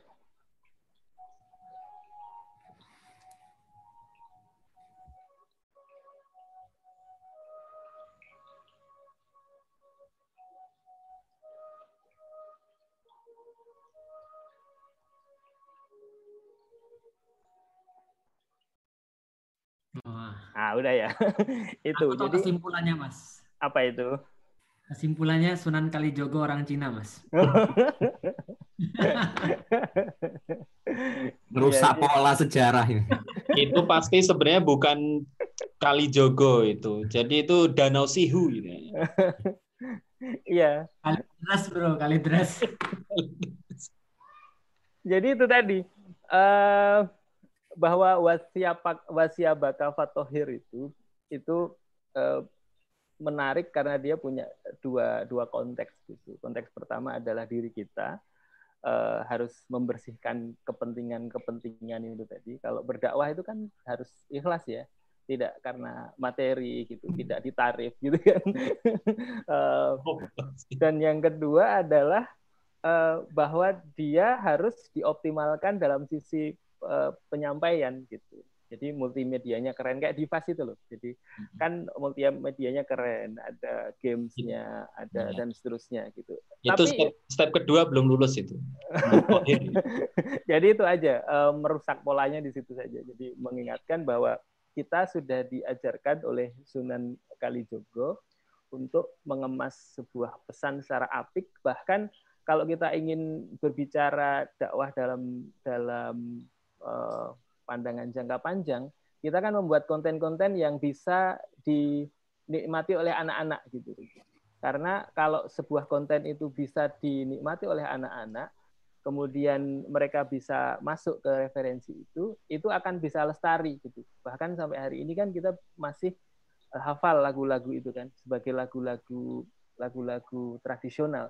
Padahal muatannya luar biasa gitu dari mulai ilir-ilir itu tadi ya ayuhal mudathir kum fa'angdir itu sampai pada titik uh, itu tadi wasiabaka fatohir. Dan kalau kita lanjutin itu sampai ayat terakhir sebenarnya. Tapi mungkin ya. itu di edisi berikutnya ya. Saya kira itu. Ya. Mas, coba dianalisis ya. Mas, apakah lagunya Pai Sucen ada kesamaan dengan ilir-ilir? Nadanya sama. Jadi dia punya lima pentatoniknya itu, cuman loncatan-loncatannya beda gitu. Asik. Itu kalau lagu Pai Sucen kayaknya diambil dari syairnya Musailam al-Kadzab itu kayaknya. Iya, itu aja sih komen saya. Sudah rusak kan polanya? itu Wimar udah gara kepala tuh. Ustadz Felix itu pernah Ustadz Felix itu pernah bilang tentang apa? kutukannya orang cerdas gitu ya. Orang cerdas itu punya kutukan. Apa? Nah, salah satunya kita bisa rasakan sekarang gitu. Saking cerdasnya itu saya nggak paham ini apa sebenarnya. itu itu berarti anu kurang mensucikan diri, Bro. Iya, iya. Kadang tuh aku mikir kalau di ngaji itu ya, pada pada suka bilang itu Wimar itu kan padahal ilmunya itu kan kalau sama Ustadz Felix, Ustadz Husain, Mas Cahyo itu kan ya jauh gitu. Nah, tapi ya justru itu karena orang lebih memahami orang yang tidak berilmu. kalau ilmunya ketinggian, mas susah dipahami. Maksud maksud antum kita nggak berilmu gitu? Enggak, ilmu antum itu ketinggian. Oh, gitu. Ilmunya Ustadz Husain itu tertinggi, makanya bahasanya itu susah diterima lah. Kenapa? kalau di fase itu banyak yang ikut ya mungkin karena ilmuku tuh nggak seberapa jadinya orang tuh pada ngikut gitu uh, iya kalau dalam komunikasi itu ada segmentasi nah. audiens segmentasi uh. audiens jadi memang uh, kita punya audiens masing-masing dan kita jangan menganggap audiens kita itu yang merepresentasikan audiens yang lain gitu. Hmm. Hmm, karena orang itu beda-beda. Audiens iya. itu beda-beda. Audiens itu beda-beda. Kalau uh, Dokter Sun Yat Sen itu ya, uh, itu itu sun, tokoh perubahan sun, sun. mana itu ya? itu kan dia itu pernah bilang udah, udah ngarah-ngarah ke sosialisme ini kayaknya Mas. Iya, ini To kan. say is easy kan. Berbicara itu mudah. To do is difficult. Uh, mengerjakan sesuatu itu susah. To understand is more difficult. Jadi uh, memahami sesuatu itu lebih lebih susah gitu. The, uh, to make one understand is most difficult. Uh, membuat orang paham adalah sesuatu yang paling sulit. Uh, itu pas kalau, banget, pas dan, banget untuk ini, untuk apa uh, untuk Mas Feli ketika dia ngisi anak-anak di Iskarima ya. Pas banget. Iya, itu kenapa saya bilang setiap orang punya segmentasinya gitu. Kalau Mas Cahyo pas di Iskarima, Mas uh, Wimar pas dengan jamaahnya pas, Ustadz Felix pas dengan dengan level yang lebih tinggi. Kalau saya juga pas dengan level yang ada gitu. Asik. Yang ada yang mana, Mas? Yang ada itu yang mana yang ada? Silakan dilanjutkan. Ya, itu uh, kita mau ngasih tahu aja, itu yang jadi latar belakangnya Mas Husen itu itu adalah buku yang akan datang, yang eh, sorry ya. bukan, apa game yang akan datang, dilengkapi oleh buku nanti insya Allah yang akan dikeluarkan oleh tim Taskifania. Asik. Iya, habis lebaran insya Allah habis lebaran ya. Jadi kita itu kemarin aku tahu kok perjalanan cerita dari ilir-ilir sampai hmm. pentatonik sampai ujungnya adalah uh, yang penting anak-anak itu bisa memahami karena long lasting itu aku tahu maksudnya. Ujungnya yeah. itu kan cerita itu ya. Monopoly the golden age itu ya. Tapi kalau justru itu paham kan? Kalau itu hmm. paham kan? Paham. Nah, kenapa? Ya. Karena antum juga berpikiran begitu kan? Ya. Karena frekuensi antum itu nyantolnya di situ, Bro. Iya. Iya, iya. Dan ini nanti jadi suplemen gamenya Fast di sesi sejarah. Oke, okay, deal ya? Deal. Ngerusak pola. Itu monopoli ya Ustadz Husen? Ya, Mainannya kayak apa? Jadi ini mirip aja, tapi kita nanti nggak pakai dadu, kita pakai eh, kayak kubus pakai kelereng gitu. Nanti dia lebih banyak variannya gitu. Lebih banyak variannya uh, ada banyak aturan yang baru yang unik tapi saya tadi udah coba sama anak-anak uh, mereka cukup memahami dan cukup asik gitu. Jadi kalau uh, kalau ini sudah work ke anak-anak mungkin ke teman-teman pas ini uh, bisa jadi uh, bisa atau tidak saya nggak tahu juga sih. Ya, luar biasa. Rakur Mbah Tampir terus ya kan. Oke, iya. ini dilanjutin dong Mas Cahyo nih hostnya. Oh ya, ya teman-teman ya. sekalian itu uh, tentang uh, the golden age ya. ya pada intinya begitulah ya teman-teman kita lihat dulu nih di ini nggak dibuka ya untuk ininya ya. Aku udah nyuruh teman-teman nanya tadi. Nih uh, kalau mau dibacain aku punya satu pertanyaan yang Ya boleh boleh. Ini aku nyari nih. Gimana belajar fokus? Wah ini kayaknya butuh dikirimin buku suratul badiah ini kayaknya. Gimana? Biar tambah nggak fokus. Gimana caranya belajar fokus Ustadz? Saya itu kalau belajar baru sedikit terus rumit sedikit langsung nyerah gitu. Nah, jadi gini. Fokus itu adalah meniadakan yang lain selain yang pengen kita lakukan. Dan fokus itu yang memang mesti dipaksa. Contoh misalnya kayak gini ya. Uh, saya tuh dulu ketika awal-awalnya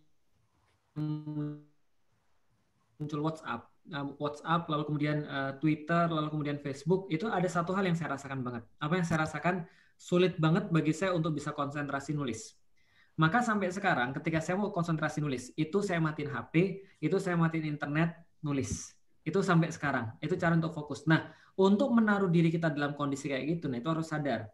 Kita harus sadar dan kita harus tahu kita mau ngapain. Nah, kita tahu kalau misalnya kita tidak pernah merusak polanya, kita nggak pernah untuk bikin satu hal yang bisa membuat emosional kita on, maka ini nggak akan bisa kita lakukan. Maka kita harus sadar, matiin internet, matiin HP, nulis, gitu kan? ya Itu yang kemudian saya lakukan. Maka sampai orang fokus. Contoh misalnya, kadang-kadang ada program-program memang memaksa fokus. Siapa sih di antara kita yang merasa happy ketika misalnya dia suruh ngafal Quran misalnya? Ya mungkin uh, mungkin eh, orang-orang tertentu aja misalnya gitu kan ya. Kalau saya sih merasa berat untuk bisa menghafal Quran, tapi terus maksa diri kita untuk bisa menghafal Quran. Maka ada program-program, program 30 hari menghafal Quran misalnya. Itu kita memang ditaruh dan dipaksa di situ. Nah, inilah pentingnya pemaksaannya itu untuk bisa fokus. Nah, jadi kita itu sering kali ditentukan kualitas kita dari bagaimana kita bisa memaksa diri kita sendiri untuk bisa melakukan sesuatu. Nah, itu itu kunci sebenarnya. Maka tadi kan kita sudah sampaikan ya, ketika kita bicara tentang wa yuzakihim, kadang-kadang yuzakihim ini juga harus dipaksa karena nggak setiap orang mau untuk minum obat, nggak semua orang mau membersihkan diri, tapi dia harus mulai dipaksa supaya dia melakukan seperti itu. Itu fokus. Kadang-kadang perlu paksaan. Kalau di pesantren ada istilah dipaksa, terpaksa, biasa, terbiasa, luar biasa. Hmm. Ya, kira-kira iya. begitulah. Ya. Kira-kira begitulah kira-kira. Hmm. Ya, ini ada tapi udah udah kejawab kayaknya sih. Udah ya. Ya, Assalamualaikum Ustaz, mau minta solusi. Kadang hati dan pikiran sudah solid, tapi raga sulit bangkit. Ustadz, Ustadz, minta tolong. Saya selalu gagal fokus, Ustadz. Saya nggak bisa fokus untuk uh, buat ngerjain skripsi. Ya, caranya beli. Susah amat. tadi menarik. Pikiran, pikiran dan hati sudah solid, tapi raga tidak solid. Uh, itu Cak Nun ya kalau kalau nggak salah ya pernah ngomong ya. Uh, dan ini memang nggak ada dalilnya ya. Ya mungkin kalau ada dalilnya tapi saya nggak ngerti. Tapi ini ini sesuai maknanya dengan apa yang kita pahami. Jadi uh, Cak Nun tuh pernah bilang gini, raga itu adalah ekspresi paling rendah dari ruh. Artinya adalah kalau seandainya dia pikiran dan hatinya sudah solid, itu raga itu mesti ngikut. Contoh yang paling mudah, oh ini dalilnya. Contoh yang paling mudah itu puasa. Kalau misalnya kita belum niat gitu kan ya, belum niat benar mau puasa, lalu kemudian hati kita belum kita kondisiin untuk puasa, itu yakin besok pagi jam 10 nggak akan kuat untuk puasa. Yeah. Yakin saya. Kenapa? Karena saya juga gitu. Jadi kalau kita kalau kita benar-benar sudah mensolidkan hati dan pikiran, sudah yatlu alaihim ayatih wa yuzakkihim, tadi sudah kita bahas ya, logik dan emosi, yatlu alaihim ayatih, logik, warob baka fakabir, logik, lalu yuzakkihim sama wasya baka fattohir, itu sebenarnya adalah emosional, sudah ngunci satu sama lain, maka menjalankan perintah Allah itu menjadi mudah maka dikatakan wa yu'allimu wa yu'allimukumul kida kita bawal hikmah itu setara dua tadi baru belajar tentang uh, tentang Quran, tentang sunnah dan melaksanakannya. Nah itu menjadi mudah. Kenapa? Balik lagi, raga itu adalah ekspresi yang paling rendah daripada daripada uh, pikiran dan hati atau daripada jiwa kita. Maka kalau jiwa kita maunya kayak apa ya badan kita nurut sebenarnya. Tapi kalau nggak mau nurut, nah berarti jangan-jangan ini gitu kan ya. Ini badan siapa gitu. Jadi kira-kira gitu. Ini mungkin kalau saya ngambil uh, satu titik itu sebenarnya pernyataan ini bukan pernyataan. Jadi kalimat ini sebenarnya nggak nyambung, bukan nggak nyambung ya apa ya? Jadi nggak ya. mungkin kalau hati dan hati dan pikiran sudah solid, kok raga nggak bangkit itu nggak mungkin gitu loh mesti ada yang belum connect. Mungkin bisa di mungkin bisa dikatakan dia itu baru tahu tapi belum paham. Mungkin begitu ya. Yang ngerti itu gitu loh.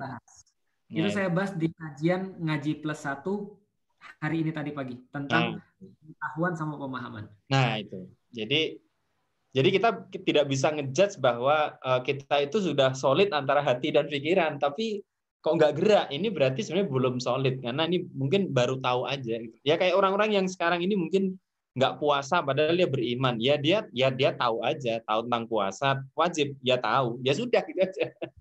Ya betul.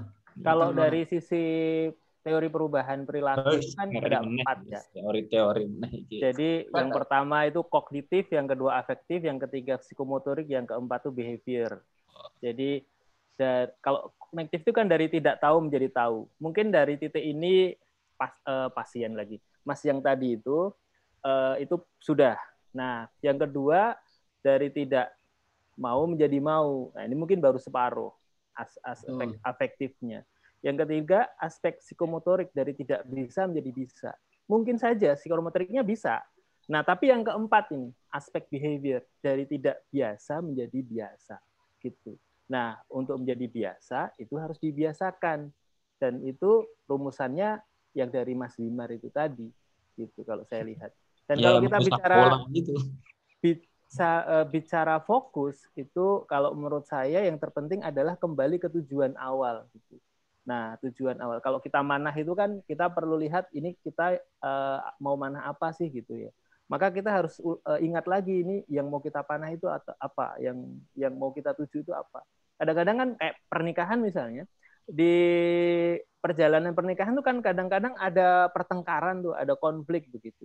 Nah, kalau kita kembali ke tujuan awal, saya sih sebenarnya menikah itu mau apa sih? Oh, menikah mau beribadah, mau bareng-bareng, mau saling membahagiakan. Nah, kalau kembali ke situ, maka kita bisa rukun kembali. Tapi kalau sudah uh, pecah, gagal fokus, itu maka akan hadir misalnya, oh pernikahanku kayaknya sudah nggak akan bisa dilanjutkan karena aku dan dia sudah saling membenci. Nah, gitu.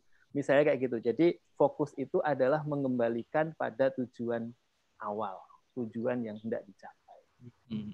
Bijak sekali ya. Kalau tidak fokus nanti bisa pelakor. Bijak sini sekali ya. Oke. Baik, masih ada waktu Kang Husen? Uh, masih tujuh menit lagi sampai jam oh. 10. Kita akan iya. mau Itikaf. Mas Bimar ada masih ada ini enggak yang kita tadi kalimatnya bagus ini ada yang menarik. Ustadz, tapi sekarang itu ada self love. Oh, Bagaimana dengan self love? Saya juga nggak tahu self love itu apa. Mencintai diri sendiri. Mungkin gini kali ya, ini tebakan saya nggak tahu benar atau enggak. Seakan ketika kita bermalas-malasan, kita sedang berasumsi bahwa badan ini juga butuh aktivitas yang bermalas-malasan atau ya nonton satu seri drama Korea tiga jam itu adalah haknya badan saya juga loh saat saya harus ngimbangin itu kali ya saya nggak tahu self love cuma kayaknya bahasa bahasanya ngarahnya ke sana ya yeah. ya diri ini perlu dihibur gitu ya mm -hmm. Kalau self love mah dari dulu sudah ada, maksudnya adalah mencintai diri sendiri. Itu memang harus sebelum mencintai orang lain ya kita juga memang mencintai diri sendiri. Kalau orang zaman sekarang ngomongnya me time ataupun segala macamnya, yaitu memanjakan diri, diri kita punya hak untuk dimanjakan. Sebelum mencintai orang lain, cintailah diri sendiri. Sebelum mencukupi orang lain, cukupilah diri sendiri. Nah, tinggal cuma memaknai mencintai diri sendiri seperti apa. Contoh kayak gini misalnya. Uh, memang kita harus cukup sebelum kita bisa membagikan pada orang lain. Contoh, bagaimana kita bisa mencintai orang lain kalau kita kita sendiri tidak mencintai diri kita sendiri? Kan gitu kan ya? Maka karena kita mencintai diri kita sendiri kita melakukan perintah-perintah Allah. Itu maksudnya. Tapi kalau misalnya dia mendefinisikan sendiri bagaimana cara self love itu maka kita balik lagi pembahasannya ke pembahasan akidah. Pembahasan akidahnya seperti apa? Contoh kayak gini. Kita tahu dalam pembahasan akidah bahwa yang paling berhak untuk mengetahui atau paling berhak untuk ngasih tahu kita tentang aturan-aturan cara untuk menjaga, merawat, membahagiakan uh, sesuatu yang baik bagi kita, bagi kita adalah Allah. Karena manusia pasti salah. Manusia merasa bahwa ketika dia bisa bohongin orang dia bahagia, padahal itu merusak dirinya. Manusia merasa ketika dia bisa maki orang dia memuaskan dirinya, padahal itu juga racun bagi dia. Manusia merasa ketika dia merasa iri sama seseorang itu adalah sebuah hal yang baik bagi dia, padahal tiga. Uh, makanya kemudian para ulama-ulama menyampaikan kepada kita uh, apa maksud daripada wa asa an takrahu syai'a wa huwa khairul lakum wa asa an tuhibbu syai'a wa huwa syarrul lakum wallahu ya wallahu ya'lamu wa antum la ta'lamun.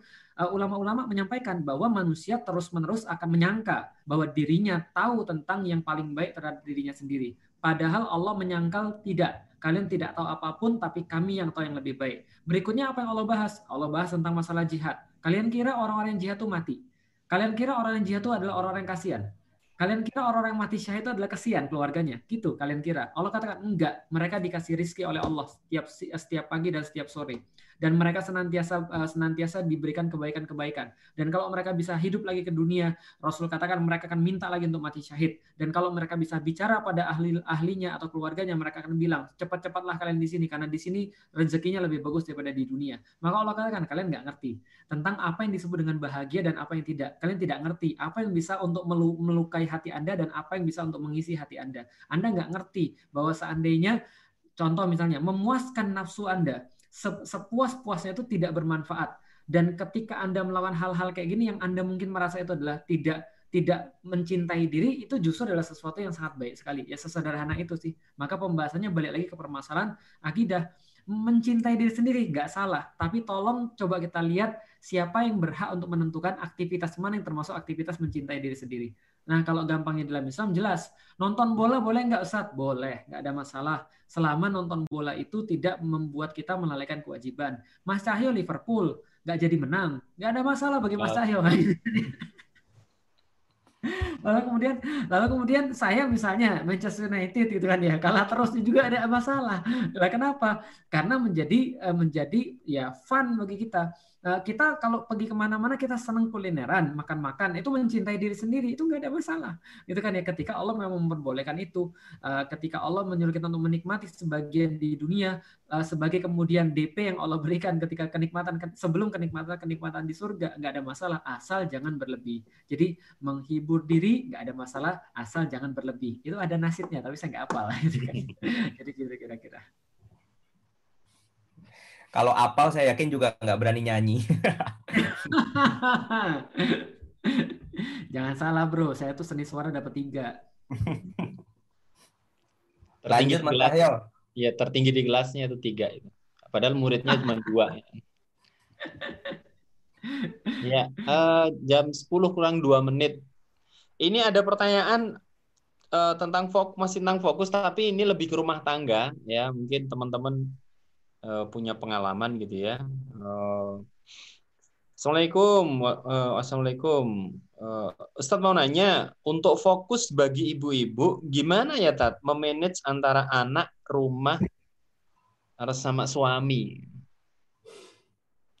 Oh, nah, Mas Bimar itu yang suka ngisi ibu-ibu. Uh Silahkan Mas Bimar. Apa sih, Ustadz saya udah dengan gua. Ya, silahkan Mas Bimar apa? Itu kan dalam satu rumah. Anak rumah di rumah. Suaminya juga di rumah. Iya. jadi kerjain bareng-bareng aja. Nggak usah pusing-pusing. Iya. Saat saya tuh belum punya keluarga besar saat antum anaknya udah empat satu di pesantrenin jauh. Pasti konfliknya lebih banyak. Ayo saat oke. Okay. uh, sederhana sederhana jawabannya. Wanita itu diberikan kemampuan yang lebih besar daripada laki-laki dalam urusan tidak fokus Jadi justru ketika Anda mau menangani suami, mau menangani anak, mau menangani uh, kerjaan rumah, mau menangani apa pun, justru yang Anda perlukan justru tidak fokus. Jangan salah. Oh. Iya, ini benar. Iya, benar benar. Jawaban iya. apa lagi ini? Iya, oh. benar. Iya, benar. Justru itu benar. Karena ya. tidak fokusnya wanita itu justru fokusnya dia. Coba lihat di dalam Al-Quran juga mengatakan seperti itu. Makanya kemudian makanya Allah Allah Allah itu menyampaikan bahwa ar-rijalu qawwamuna 'alan nisa. Laki-laki itu harus kemudian menjadi sebuah kawam bagi wanita karena wanita itu sudah terlanjur untuk tidak fokus ngurusin yang lain gitu loh maksudnya. Nah, maka eh, ketika laki-laki itu harus fokus dalam bekerja, maka perempuan tuh justru dia bisa mengganti-ganti fokus di saat yang sama dengan sangat cepat. Hmm. Coba baca, uh, uh, lihat di YouTube ada bedah buku wanita berkarir surga episode 1, episode 2 saya bahas tentang perbedaan laki-laki dan wanita. Nah, termasuk di antara di sana yang paling hebatnya wanita adalah mereka bisa untuk mengganti fokus dengan sangat cepat, dengan sangat instan. Antum pernah nggak ngobrol sama istri antum, tiba-tiba dia ngomong sesuatu, tiba-tiba loncat, dan antum bingung ini sudah di mana nih sebenarnya? Jadi dia bisa loncat tiga tema, empat tema di waktu yang sama. Itu fokus nggak? Enggak. Makanya kita jadi kesel karena dia nggak fokus. Jadi itu merusak pola gitu kan ya. Nah makanya tenang aja perempuan-perempuan, you've got this gitu kan ya. Kenapa? Karena anda punya kekuatan tidak fokus gitu kan ya, untuk bisa menyelesaikan. Sebenarnya itu bukan ini tidak Artinya, bukan tidak fokus sebenarnya.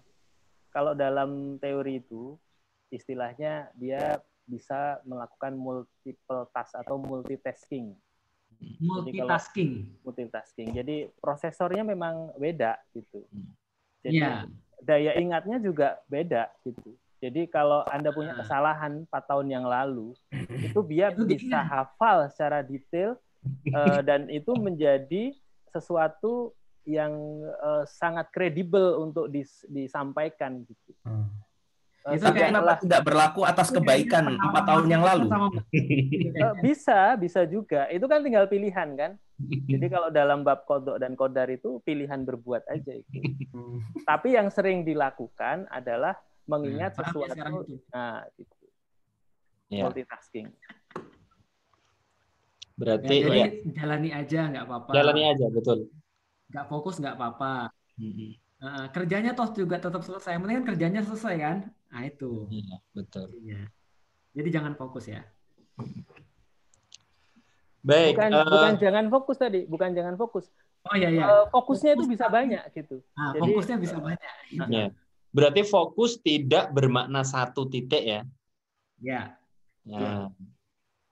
Artinya kalau bagi seorang wanita, fokus itu adalah ketika setiap pekerjaan terselesaikan. Dan pekerjaan itu banyak. Gitu. Iya, jadi kayak ya. tadi sore itu istri saya itu masak, hmm. kemudian dia sambil ngangkatin jemuran, sambil marah, hmm. sambil nyapu, hmm. kemudian sambil menasehati anak-anaknya gitu. Wah, itu, Dan ya. itu berbarengan gitu. Jadi hmm. itu bisa dilakukan seperti itu. Ya, ya. Ya itu banyak meme-memenya itu. sambil masak terus ngamuk itu. ya kalau ngamuk dan tidak itu pilihan. Eh, Bang ya. dan Kodar itu ya. Iya. Jam 10 lewat 3. Ya, sudah. Hmm. Istri saya sambil tidur aja bisa nasehatin saya. Ya, terus gimana? Nah, nah itu belum pernah aku temukan itu kalau kayak gitu. Itu, itu multi placenta kalau itu. iya. Itu namanya ngelantur. Ya, luar biasa. Ya, jadi intinya adalah betul, bukan tidak fokus, tapi mengganti fokus dengan cepat, gitu kan ya. Karena di kamera itu fokus tuh ada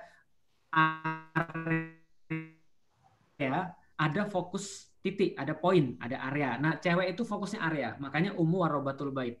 Makanya itu fokusnya adalah di menyelesaikan problem rumah tangga. Itu fokusnya. Dan Jadi itu kalau, berarti bisa punya banyak fokus. Kalau kamera itu cewek itu berarti diafragmanya lebar itu, ya, bukan ya, aperturnya besar angkanya. Ya. Jadi dia gambarnya jelas semua. Nah, kalau cowok diafragmanya ya. sempit, angkanya kecil. Jadi ya fokusnya cuma gitu ya. Iya.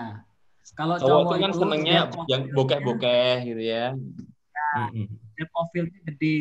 Cewek itu depth of fieldnya rendah, gitu aja. Eh, saya radong ya. Baik, teman sekalian, ini sudah jam 10. Ini karena juga 10 hari terakhir kita lanjutkan di itikaf. Ya. Jadi pada intinya uh, ketika seseorang sudah bangkit maka dia tidak akan berdiam diri, dia akan dalam posisi apa pun dia akan terus bergerak untuk menebarkan ya kebaikan-kebaikan, berdakwah, mengajak orang untuk lebih cenderung kepada Islam, cenderung kepada Allah, mendekat kepada Allah dan itulah bukti bahwa dia sudah bangkit ya. Uh, mungkin itu dulu atau mungkin ada kata-kata terakhir. Monggo uh, ada, Mas Cukup ya. Baik, makasih dan doakan teman sekalian uh, tim Yuk Ngaji moga-moga uh, terus bisa meresapi dan meres-meres yang lain ya. Uh, apa-apa yang disampaikan oleh Mas Felix ya, termasuk minta doanya juga The Golden Age ini segera uh, bisa menjadi salah satu referensi anak-anak untuk bangkit juga. Gitu ya.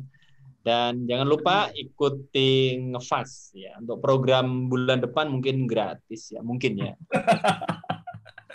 Nah, besok Nusa Official jam 4 sore. Oh ya jangan lupa besok bareng Kak Cahyo ya bareng Kak Cahyo jam 4 di Nusa Official di uh, apa namanya di YouTube-nya Nusa juga live jam 4 ya jam 4. Insya Allah uh, saya mau men, uh, berkisah tentang the real superhero uh, ya Oke, okay, itu dulu. Alhamdulillah, makasih banget Ustadz Felix atas pencerahannya, Mas Wimar atas uh, sesuatu yang mungkin ya, uh, bermakna ya, walaupun sedikit ya. Juga uh, Kang Husen ya, makasih udah menjadi host uh, abadi di program Yuk Ngaji selama COVID ini.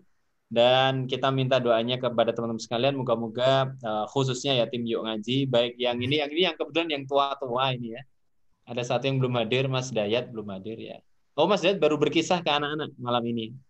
Uh, oh, ada program berkisah wajib untuk anak-anak di perumahan. Baik, itu dulu. Terima kasih. Kita tutup dengan bacaan Alhamdulillah dan doa kafaratul majelis. Alhamdulillah. Subhanakallah. Demikian, moga-moga kita semuanya mendapatkan Lailatul Qadar. Amin. Amin. Amin. Amin. Amin. Assalamualaikum warahmatullahi wabarakatuh. Waalaikumsalam.